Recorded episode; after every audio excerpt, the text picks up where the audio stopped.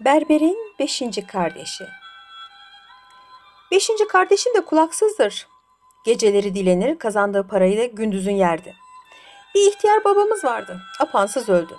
Bize biraz miras bıraktı. Aramızda pay ettik. Adam başına yedişer yüz kuruş düşmüştü. Kulaksız kardeşim bu parayla ne yapacağını şaşırdı. Nihayet bir sepet cam eşya alıp mahalle mahalle dolaşarak onları satmaya başladı. Bir gün dinlenmek için sokağın başında durup cam sepetin önüne koymuş. Sırtını da duvara dayayıp kendi kendine hülyalar kurmaya başlamış. Bu sepetteki eşyaları satarsam elime 200 kuruş geçecek. O parayı yemem. Sermayeye eklerim. Böylelikle yavaş yavaş bin liralık adam olurum. O zaman bir yer tutar, topraktan alışverişe başlarım. Hepsini toptan. Çok geçmeden mal mülk sahibi olurum. Evler, hanlar, bağlar, bahçeler satın alırım. Zenginliğimin şöhreti her tarafa yayılır. Herkes bana kızını verip beni damat edinmek ister. Fakat ben vezirin kızını isterim. İyilik de vermezlerse zorla ve para kuvvetiyle alırım. Güzel bir konağa taşınıp orasını ipeklilerle ve en seçme halılarla döşerim. Uşaklar, halayıklar, harem ağaları tutarım. Sokağa büyük bir alayla çıkarım. Vezirin yanına gidip kendisine 2000 altın götürürüm. Bunların yarısı kız için, yarısı da sana hediyedir derim. Buna karşılık vezir de bana sırmalı bir elbise hediye eder. Fakat ben daima ona karşı tok bir tavır takınırım. Oradan çıkınca düğün hazırlarına başlarım.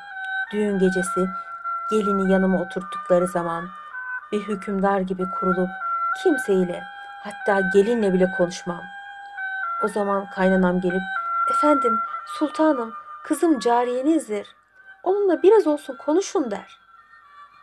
Ben de onun hatırını kırmayarak başını çeviririm. Sonra uşaklarından birine seslenip bana içinde 500 lira bulunan bir kese getirilmesini emrederim. Getirince geline bakan yengeye veririm. O gidip gelinle baş başa kalınca ona biraz gülümserim. Fakat konuşmam ki benim ne büyük bir adam olduğumu anlasın. Kaynanam bunu duyunca tekrar yanıma gelir ve kızıyla konuşmam için yalvarıp yakarır. Ama ben yine yüz vermem. Kaynanam ayaklarıma kapanır. Kızım küçüktür, görgüsüzdür. Onun kusuruna bakmayın. Siz onunla konuşun ki biraz açılsın der. İşte o zaman geline dönerek bana bir bardak su ver diye emrederim. Gelin bana su getirince onu bir zaman ayakta beklettikten sonra kurulduğum ipek sedirin üzerinde yavaşça başımı kaldırıp bana yalvarmazsan elinden bardağı almam derim. Gelin affedersiniz işte istediğiniz suyu getirdim diye cevap verir. Fakat ben o zaman kendisine ne kadar azametli olduğumu göstermek için ayağımı kaldırıp ona şöyle bir tekme atarım. Kulaksız kardeşim bu hayaller içinde kendinden geçmiş. Sahiden tekme atar gibi ayağını savuruvermiş. Tabii tekme cam sepetine gelmiş. Sepette ne kadar cam, bardak, tabak, sürahi varsa hepsi şangır şungur kırılmış. Böylece zavallının küçük sermayesi bir hülyaya kurban gitmiş. Kardeşim yaptığı bu budalalığı fena halde üzülmüş. Başını duvara vurmaya başlamış. Halk etrafını sarmış fakat hiç kimse ona bir yardımda bulunamamış. O sırada bir katıra binmiş olan genç ve güzel bir kadın kardeşimin haline acıyarak yanına yaklaşmış. Uşaklarından birine seslenerek ona bir kese altın vermesini emretmiş. Uşak hemen bayanın emrini yerine getirmiş. Kardeşim parayı alıp doğru evine gitmiş. Orada keseyi açmış, içindekileri saymış. Tam 500 çil altın. Büyük bir sevinç içinde altınları keseye koyarken kapı çalınmış. Koşup açmış, karşısına ihtiyar bir kadın çıkmış. Kadın, oğlum namaz kılacağım, abdest alacak bir yer bulamadım. Evinizde abdest almama müsaade eder misiniz demiş. Kardeşim buyur etmiş. İhtiyar kadın teşekkür ederek içeriye girmiş, abdest almış, bir köşeye çekilip namaz kılmış, sonra kardeşime hayırlı dualar ederek gitmek istemiş. Kardeşim ona çıkarıp birkaç kuruş sadaka vermiş. İhtiyar kadın, benim sadakaya ihtiyacım yok diyerek parayı almamış. Üstelik eğer paran çoksa, ona ihtiyacın yoksa götür onu sana veren kadına geri ver diye akıl öğretmiş. Kardeşim içini çekerek o kadını nereden bulayım tanımıyorum ki demiş. Bunun üzerine ihtiyar kadın Yavrum demiş, o kadın zengin bir adamın karısıdır. Seni görünce aşık olmuş. Şimdi sen onun verdiği parayı yanına al, arkamdan gel. Ben seni ona kavuşturacağım. Görüştüğün zaman elinden geldiği kadar onu eğlendirmeye, kendisine hoş görünmeye çalış. Kulaksız kardeşim, ihtiyar kadının bu sözlerine inanarak onunla beraber sokağa çıkmış. Koca karı önde, o arkada oldukça uzun bir yol yürüdükten sonra büyükçe bir evin kapısı önünde durmuşlar. Sabah oluyordu. Şehrazat burada hikayesini kesti. Ertesi akşamda bıraktığı yerden şöylece anlatmaya koyuldu. 42. Gece Koca karı kapıyı çalmış. Çok geçmeden kıyafetinden Rum olduğu anlaşılan genç güzel bir kadın kapıyı açmış. İhtiyar kadın içeriye girmiş, kardeşim de arkasından yürümüş. Büyük bir salona gelince kardeşimi oradaki sedirden birine oturtmuşlar. O da para kesesinin önüne koyarak odalardan birine giren ihtiyar kadının gelmesini beklemeye başlamış. Çok geçmeden iyi giyinmiş, gayet süslü, güzel bir kadın çıkıp kardeşimin yanına gelmiş. Hatırını sorduktan sonra onu alıp küçük bir odaya götürmüş. Onunla 40 yıllık ahbapmış gibi konuşarak teklifsizce şakalaşmaya başlamış. Sonra onu yalnız bırakarak sen burada kal. Ben şimdi gelirim diye çıkıp gitmiş. Aradan çok geçmeden odaya Zebella gibi bir zenci gelmiş. Elinde pırıl pırıl parlayan kılıcını sallayarak kardeşime Vay namus düşmanı alçak herif. Seni buraya kim getirdi diye bağırmış. Korkudan kardeşimin dili tutulmuş. Ne söyleyeceğini şaşırmış. Zenci onu kolundan tutarak ayağa kaldırmış, elbiselerini soymuş, sonra kılıcın keskin olmayan tarafıyla sırtına birkaç defa vurmuş. Kardeşim fenalaşarak düşüp bayılmış. Birkaç yerinden kan çıktığını gören zenci onun öldüğünü zannederek tuzu getirin diye bağırmış. Biraz sonra elinde bir tuz tabağı olduğu halde içeriye güzel bir kız girmiş. Kardeşimin yaralarına tuz serpmiş. Sonra koca karı gelip onu bacağından tutmuş bir bodruma sürükleyerek oraya atılmış olan bir sürü insan ölüsünün yanına bırakmış. Aradan bir zaman geçtikten sonra kardeşim kendine gelmiş. Etrafına bakınmış. Birkaç insan ölüsünün bulunduğu bu pis kokulu ve karanlık bodrumdan sendeleye sendeleye çıkmış. Vakit geceymiş. Kapıya yakın bir yerde gizlenerek beklemiş. Güneş doğunca koca karı yeni bir av yakalamak için dışarıya çıkmış. Kardeşim de arkasından sokağa. Evine gidip yaralarını sardırmış, bir zaman sonra yaşlı bir acem kıyafetine girerek koca karıyı aramaya başlamış. İzini bulunca bir keseye birçok cam kırıntıları doldurup onun karşısına çıkmış. Acem ağzını taklit ederek Bende 900 altın var. Bunları tarttırmak istiyorum. Bildiğin yerde doğru bir terazi var mı diye sormuş. Cadı karı yeni bir av yakaladım diye sevinerek benim küçük oğlum sarraftır demiş. Evinde çok ince terazileri vardır. İstersen sokağa çıkmadan yetişelim. Bunun üzerine kardeşim başını sallayarak peki demiş. Hadi önüme düş de oraya gidelim. İhtiyar kadın yola koyulmuş. Kardeşim de arkasından yürümüş. Eve gelince kapıyı çalmış. Yine aynı cariyi açmış. Gülümseyerek kardeşimi içeriye almış. Sabah oluyordu. Şehrazat burada hikayesini kesti. Ertesi akşamda şöylece yeniden anlatmaya koyuldu. 43. Gece Cadı karı biraz sonra kendilerini karşılayan güzel ev sahibinin kulağına eğilerek bu sefer size çok yağlı bir kuyruk getirdim demiş. Kardeşim bunları işitmekle beraber hiç sesini çıkarmamış. Güzel kız kardeşimin koluna gelip onu geçen sefer götürdüğü odaya sokmuş. Onunla yine biraz muhabbet ettikten sonra bir şey bahane ederek dışarıya çıkmış. Arkasından zenci gelmiş. Fakat bu sefer kardeşim daha kurnaz ve atik davranarak kılıcını kullanmaya vakit vermeden onun kellesini uçurmuş. Ve onun sesini taklit edip tuz getirmelerini söylemiş. Tuz getiren cariye gelince onun da kafasını kesmiş. Koca karıya da aynı akıbete uğratmış. Ortada yalnız o güzel cariye kalmış. Onu da yakalayıp bu eve nasıl geldiğini ve her şeyin iç yüzünü anlatırsa canını bağışlayacağına söz vermiş. Güzel kız yerde cansız yatan koca karıya bakarak anlatmaya başlamış. Ben bir tüccarın gözdesiydim. Bir gün bu cadı geldi. Beni güzel bir düğüne götüreceğini söyleyerek evden çıkardı.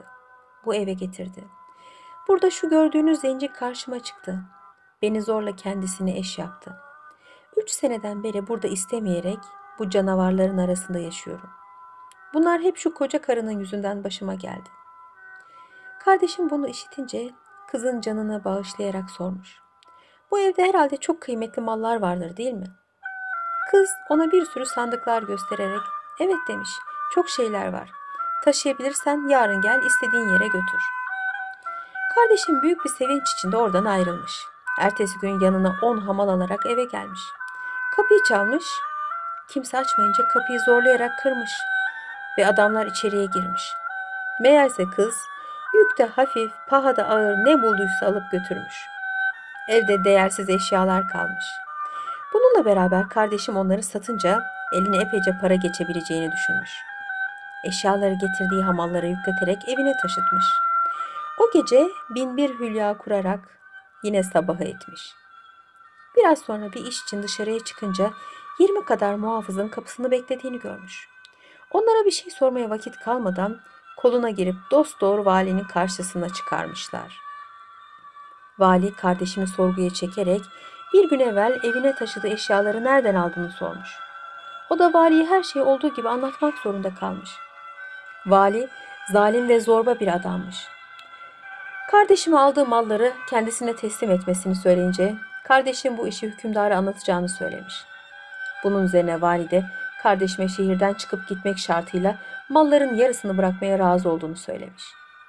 Kardeşim bu teklifi kabul etmekten başka çare görmeyerek hissesine düşeni alıp şehirden dışarıya çıkmış. Fakat çok geçmeden eşkıya baskınına uğrayıp elindeki malları kaptırmış. Haramiler bununla da kalmayarak kardeşimin iki kulağını kesmişler. Bunu haber alınca gidip onu buldum ve gizlice şehre getirdim. O günden beri ona da ben besliyorum. Berber'in altıncı kardeşi. Gelelim dudaksız olan altıncı kardeşime. O da dudaksızdır. Onun hikayesi de çok meraklı. Bu kardeşim bir gün yolda gezerken gözüne büyük ve güzel bir konak ilişmiş. Merakını genemeyerek önünde duran adamlara bu konağın kime ait olduğunu sormuş. Kapıcılar onu güler yüzle karşılayarak buranın sahibiyle tanışmak istiyorsan buyur içeri gir. Herhalde memnun olursun demişler. Dudaksız kardeşim bunu işitince hiç düşünmeden açık kapıdan içeriye dalmış. Oldukça uzun bir koridoru geçtikten sonra küçük bir bahçeyle çevrilmiş olan bir köşke varmış. Kalın bir perdeyle örtülü kapıyı aralayarak içeriye girmiş. Burası büyük bir salonmuş. Baş köşede temiz giyinmiş sakallı bir adam oturuyormuş. Kardeşimi görünce hemen yerinden fırlamış, onu kibarca karşılamış. Hatırını sorarak yanına oturtmuş. Bir isteği olup olmadığını sormuş. Kardeşim fakir bir adamdı. Günlerce karnını adam akıllı doyurduğu olmazdı. Efendimiz demiş, ben yoksul bir adamım. Bana yardımınızı diliyorum. Köşkün zengin sahibi bunu işitince hiddetle ayağını yere vurarak haykırmış. Ben bu şehirde olayım da senin gibi adamların aç gezmelerinden haberim olmasın ha. Ben sana istediğin kadar yardım edeceğim. Hele şimdi birlikte yemek yiyelim de ondan sonra konuşuruz. Kardeşim sevinçten çılgına dönmüş. Çok acıktığı için sabırsızlıkla kurulacak sofrayı beklemeye başlamış. Zengin adam uşaklarına yemek hazırlamalarını emretmiş. Uşaklar hemen koşarak içi boş kaplarla dolu bir sofa getirip önlerine koymuşlar. Zengin adam kaşığını bir kaseye daldırarak güya çorba içiyormuş gibi dudaklarını höpürdetmeye başlamış. Sonra kardeşime dönerek hadi çorba içsene demiş. Bizim aşçı bugün doğrusu üzerinize özenerek yemek yapmış. Talihin var. Kardeşim bu işe şaşmakla beraber güya içiyormuş gibi kaşığını boş kaseye bir iki defa daldırmış. Ev sahibi elini boş tabaklardan birini uzatıp güya oradan bir şey alıyormuş gibi yaparak ağzına götürmüş. Kardeşime de hadi şu kar gibi beyaz ekmekten al diye seslenmiş. Sonra diğer boş tepsilerin birine elini daldırarak Şu nefis kızartmadan ya Allah aşkına diye sorlamış. Kardeşim ev sahibinin yaptığı gibi yaparak ağzını şapırdata şapırdata evet efendimiz çok güzel olmuş diyor ona uyumuş. Zengin adam uşakların durmadan taşıdıkları boş tepsilere bu hindi dolması, bu zeytinyağlı fasulye, bu pilav, bu tatlıdır diyerek güya yiyormuş gibi elini daldırıyor, ağzını oynatarak kardeşimi çileden çıkarıyormuş. Ama kardeşim sonuna kadar sesini çıkarmamış. Pişkin bir tavırla adama uymuş. Sanki yedim sofrası kalktıktan sonra sıra içkiye gelmiş. Ev sahibi boş bir kadehi kardeşime uzatarak halifenin sarayında bile eşi bulunmayan bu güzel şaraptan iç de bana dua et deyince kardeşim kadehi alıp ağzına götürmüş. Sonra yaradana sığınıp zengin adamın ensesine arka arkaya iki tokat indirmiş. Sabah oluyordu. Şehrazat gülümseyerek doğan güneşi kocasına gösterdi. Ertesi akşam devam etmek üzere masal burada kesildi. Hükümdar büyük bir merak içindeydi. Ertesi gece Şehrazat masalına şöyle devam etti.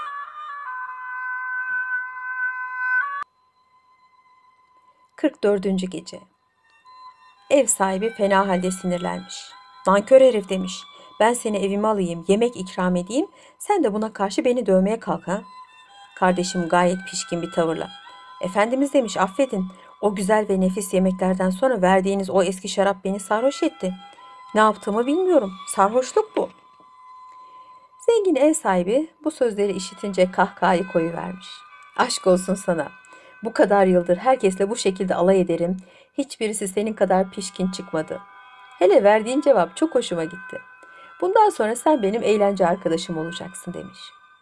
Sonra uşaklarına seslenerek hakiki yemek sofrasını kurmalarını emretmiş. Kısa bir zaman içinde zengin bir sofra kurulmuş. Kardeşim iyice karnını doyurmuş. Yemekten sonra zengin adam kardeşimi hamama göndermiş. Ona iyi bir elbise giydirmiş. O günden sonra yanından da ayırmamış. Kardeşim tam 20 yıl o adamın hizmetinde bulundu. Nihayet bir gün adamcağız ölmüş. Mirasçısı olmadığı için malı, mülkü hükümete kalmış. Kardeşim de can sıkıntısından memleketi bırakmış, çölde giderken haramilerin tuzağına düşmüş. Reisleri para ver de canını kurtar demiş. Kardeşim yanında para namına bir şey kalmadığını söylemişse de haramilerin başı söz dinlememiş. Belinden keskin bir hançer çıkararak zavallı kardeşimin dudaklarını kesmiş. Bunu gören çete reisinin karısı ona acımış. Kardeşimi çadırına almış. Yarasını iyi etmiş. Sonra ona gizlice ben kocamdan hoşlanmıyorum. Bundan sonra benim kocam sen ol demiş. Kardeşim kadının sözlerine uymuş ve onunla gizlice evlenmiş. Sonra çapuldan dönen haramilerin başı karısıyla kardeşimin arasındaki gizli muhabbeti sezmiş. Fena halde de kızmış. Arkadaşlarının yardımıyla kardeşimi bir harem ağasından farksız bırakmış. Sonra onu götürüp bir dağ başına atmışlar. Kardeşimin başına gelen bu felaketi kendisini gören bazı tanıdık yolculardan haber alıp yola çıktım. Günlerce aradıktan sonra zavallıyı bitkin bir halde buldum. Onu bir eşeğe bindirip şehre getirdim. Şimdi öbür kardeşlerime baktığım gibi ona da ben bakıyorum. Halife altı kardeşimin hikayesini de dinledikten sonra güldü. Sen hakikaten sessiz bir adamsın. Fakat bu memlekette oturma. Başka bir ülkeye git dedi ve beni Bağdat'tan sürdü. Halife ölünceye kadar gurbette kaldım. Nihayet Bağdat'a döndüm. Sonra da bu gençle tanıştım. Başımızdan bildiğiniz şeyler geçti. Ben olmasaydım o çoktan ölmüştü. Üstelik bir de bana geveze diyor. Bana iftira ediyor. Terzi bu hikayeyi anlattıktan sonra Çin hükümdarına dönerek sözlerini şöyle tamamladı. Berberin hakikatten geveze bir adam olduğunu hepimiz kanaat getirince o delikanlıya hak verdik ve ihtiyar berberi tutup bir odaya kapadık. Bunun üzerine delikanlı bizimle beraber yemeğe oturdu. Ziyafet ikindiye kadar sürdü. Ondan sonra hepimiz evlerimize gittik. Eve döndüğüm zaman karım, bütün gün keyfinde geziyorsun dedi. Hadi şimdi beni gezmeye götür. Yoksa senden ayrılırım. Karımı çok seviyordum. O kadar seviyordum ki onu. Onu alıp gezmeye çıktım. Hava kararınca eve döndük. Yolda bu kambura rast geldik. Üst tarafını zaten biliyorsunuz. Bunun üzerine Çin hükümdarı adamlarına emir vererek Terzi ile beraber gidip berberi getirmelerini söyledi. Ve diğer suçlulara dönerek şu berberi dinleyelim dedi. Belki kurtulmanıza sebep olur. Ondan sonra kamburu gömer bu işi kapatırız. Hükümdarın adamları gittiler. Berberi kapatıldığı yerden çıkarıp saraya getirdiler. Çin hükümdarı bu uzun boylu kır saçlı iri burunlu adamı tepeden tırnağa kadar süzdükten sonra gülümseyerek ''Ey sessiz adam'' dedi. ''Başından geçenleri anlatman için seni buraya çağırttım.'' Berber etrafına bakındı. ''Önce siz bana anlatın'' dedi. ''Bu Hristiyanla bu Yahudinin burada işleri ne? Bu yatan kambur kimdir?'' Hükümdar sözünü kesti. ''Niçin soruyorsun?'' Üstüme vazife olmayan işlere burnumu sokmak istemem ama merak ettim. Bunun üzerine hükümdar onlara dönerek başlarından geçenleri anlatmalarını emretti. Hristiyan, Yahudi, terzi, katip sırayla başlarından geçenleri anlattılar. Berber hepsini dinledikten sonra çok garip şeyler dedi. Yerde yatan kamburun yanına yaklaşıp adamın başını dizinin üstüne koydu. Ağzını açıp baktı. Sonra sürekli bir kahkaha attı. Vallahi olur şey değil. Doğrusu tarihe geçecek bir şey. Sabah oluyordu. Şehrazat gözlerini süzerek doğmak üzere olan güneşi hükümdar kocasına gösterip sustu. Ertesi akşam da hikayesine şöyle devam etti. 45. Gece Çin hükümdarı bunu işitince berbere sordu. Bu sözlerine ne demek istiyorsun? Berber başını salladı. Ne demek isteyeceğim? Kambur daha ölmemiş, baygın yatıyor dedi. Sonra kemerinden ufak bir kutu çıkardı, açıp içindeki merhemden bir parmak aldı.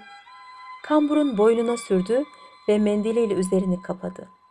Daha sonra cebinden büyükçe bir cımbız çıkararak kamburun boğazına tıkayan kılçığı öyle bir ustalıkla çekti ki kambur derin bir uykudan uyanır gibi gözlerini açtı. Orada bulunanlar ölü zannettikleri kamburun tekrar dirildiğini görünce şaşa kaldılar. Çin hükümdarı da kahkahalarla gülmeye başladı. Bir ara yanındaki adamlara dönerek Şimdiye kadar bu kadar meraklı bir hikaye işitmedim dedi. Terziye, Yahudiye, Hristiyana, kambura bol bol ihsanlarda bulundu. Berberi de sarayda alıkoydu. Onu kendisine berber başı yaptı. Şehrazat gülümseyerek kocasına döndü. Bu hikaye de burada bitti dedi. Fakat Enisül Celis ile iki vezir hikayesi bundan daha meraklıdır. Arzu ederseniz anlatayım. Şehrazat'ın bu sözü üzerine hükümdar, peki anlat bakalım dedi. Şehrazat şöylece anlatmaya başladı.